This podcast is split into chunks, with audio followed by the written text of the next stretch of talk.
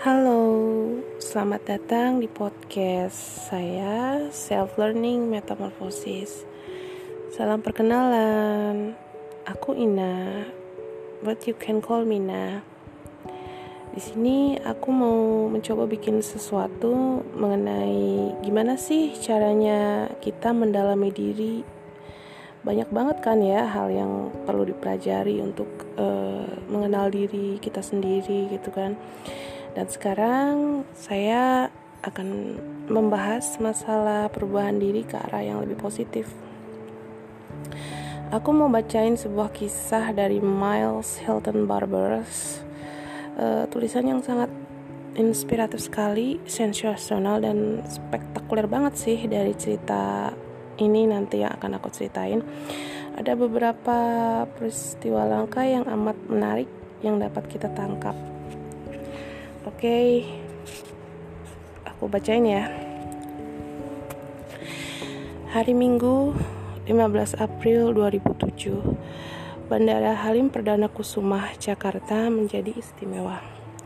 Bukan oleh tamu negara atau selebriti kelas dunia, namun oleh warga negara biasa yang punya pribadi dan nyali luar biasa. Warga itu bernama Miles Hilton Barber pria buta asal Inggris yang ketika itu berusia 55 tahun yang tengah menempuh petualangan gila-gilaan menerbangkan pesawat microlight dari London menuju Sydney. Dalam rencananya, Miles membutuhkan waktu 55 hari untuk menyelesaikan rute yang berjarak 13.500 mil atau 20 ribuan kilometer. Singgahnya di Halim Perdana Kusuma bertepatan dengan hari perjalanannya yang ke-41. Petualangan gila untuk mengumpulkan dana guna membantu penyandang buta di seluruh dunia ini ternyata bukan untuk kali yang pertama. Sebelumnya, Miles pernah membuat aksi yang tidak kalah mencengangkan. Dia pernah berjalan kaki di Gunung Sahara sebanyak 150 mil, mendaki Gunung Himalaya setinggi 700 17.500 kaki mendaki Gunung Kilimanjaro di Tanzania, Afrika dan berlari maraton selama 11 hari dari Gunung Gobi di Mongolia sampai tembok raksasa di Cina. Tak cuma itu, dia juga pernah berlari maraton melintasi padang pasir Qatar selama 78 jam non-stop serta mengendarai mobil dengan kecepatan hingga 200 km per jam di lintasan Sepang, Malaysia. Itu semua ia lakukan dengan keadaan matanya yang buta luar biasa kan? Aksi nekat Miles memang sulit diterima oleh kebanyakan orang yang selalu berpikir lumrah. Lebih-lebih bagi orang yang mungkin tanpa sadar sering menciptakan self-limiting beliefs atau membatasi diri di dalam otaknya yakni kepercayaan atau keyakinan yang membuat seseorang merasa terbatas atau tidak mampu melakukan sesuatu. Menurut Brian Tracy, penulis buku Change Your Thinking, Change Your Life, kepercayaan dan keyakinan semacam ini sesungguhnya jarang yang mengandung kebenaran. Namun, jika Anda menganggapnya sebagai perkiraan yang tepat atas kemampuan dan kesanggupan Anda, apa yang Anda percaya dan yakini itu akan menjadi kebenaran bagi diri Anda. Bagi Miles, walaupun ia mengalami kebutaan selama 25 tahun terakhir, namun tidak pernah sedikit pun mengurangi ambisinya untuk mengejar mimpi-mimpinya. Karena baginya, satu-satunya yang membatasi dalam hidup kita adalah apa-apa yang kita pasrah begitu saja terhadapnya. Kisah Miles Hilton Barber di atas membuktikan bahwa perubahan pikiran membawa dampak yang lebih luar biasa. Karena itu, jika Anda ingin menjadi agen perubahan, maka bidiklah pikiran kita. Pikiran kita juga harus diarahkan sebetulnya pada konsep atau ide-ide yang sebetulnya harusnya memberdayakan, bukan malah sebaliknya kan. E, ketika kita dan mungkin orang-orang sekitar kita secara bersama-sama mengubah pikiran percayalah sesuatu yang mungkin uh, awalnya dia nggak uh, tidak mungkin itu bisa jadi mungkin.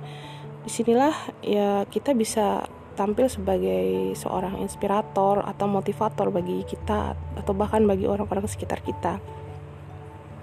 Sebetulnya uh, perubahan pikiran itu bisa kita lakukan dengan membangun kembali ya pikiran alam bawah sadar.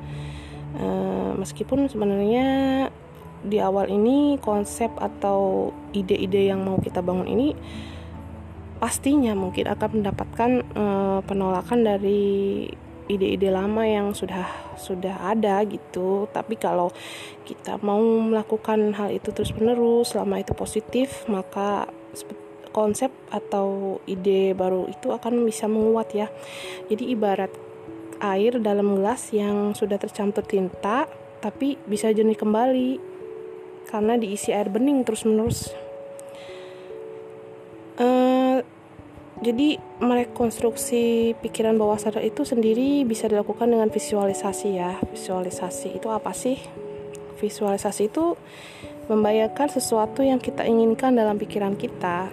Seolah-olah ya sesuatu itu benar-benar nyata atau benar-benar terjadi. Hmm,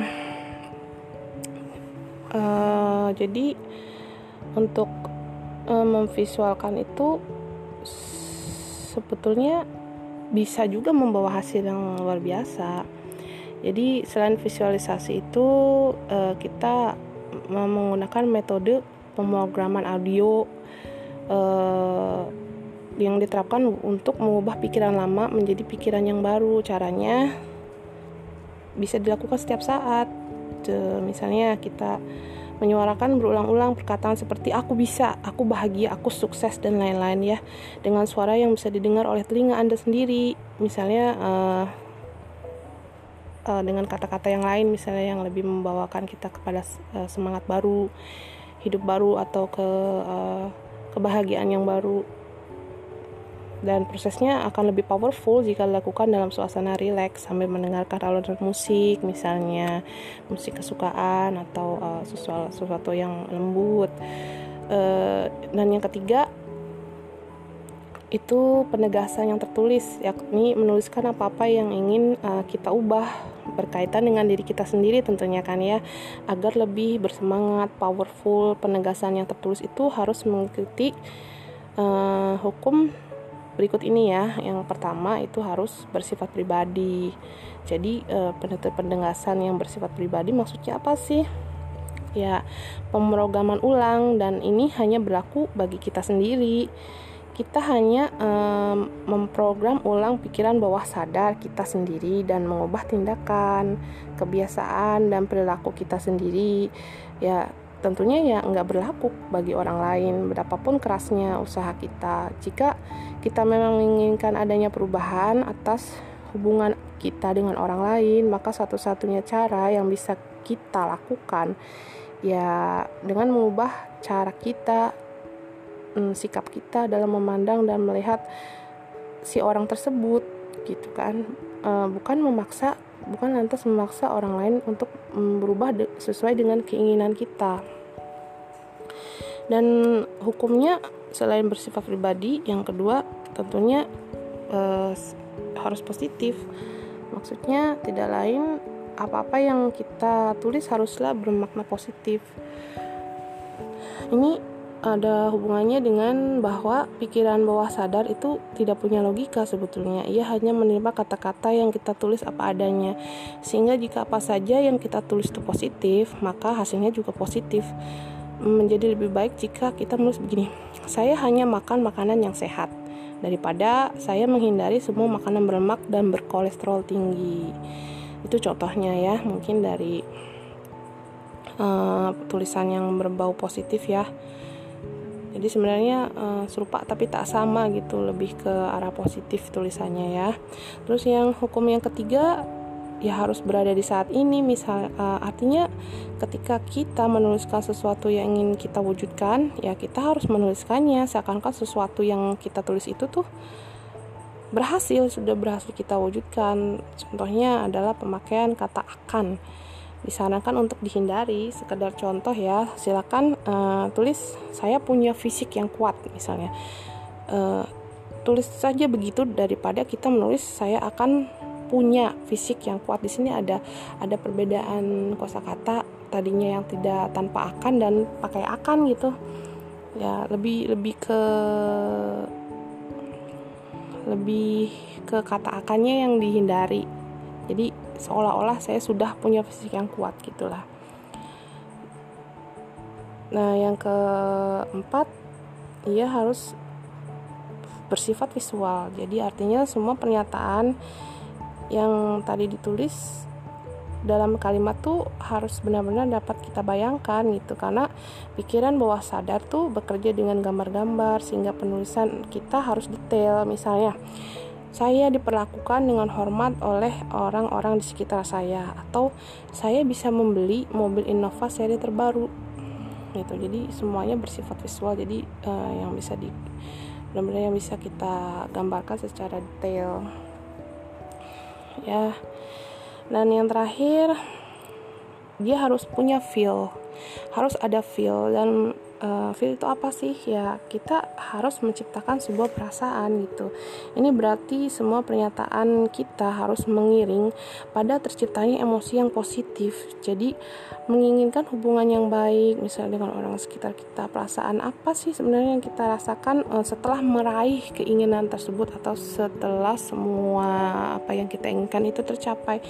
Intinya pastinya puas kan bahagia kan dan uh, apa pun perasaan yang muncul kuncinya adalah sertakan perasaan tersebut ke dalam pernyataan Anda. Contoh saya sungguh bahagia mengajar anak-anak yang rasa ingin tahunya begitu tinggi. Dan itu di situ uh, ada kata sangat bahagia sungguh bahagia sudah mengajar anak-anak yang rasa ingin tahunya tinggi. Itu di situ tercipta segala perasaan jadi begitulah inti uh, bukan inti penjabaran dari semua hal yang berkaitan dengan uh, perubahan dari sikap kita itu uh, semoga kita bisa kelak bisa menjadi seorang inspirator juga motivator bagi diri sendiri untuk meraih kehidupan dan ke ke arah perubahan yang lebih positif. Sekian dari saya. Selamat malam, terima kasih sudah mendengarkan. Assalamualaikum.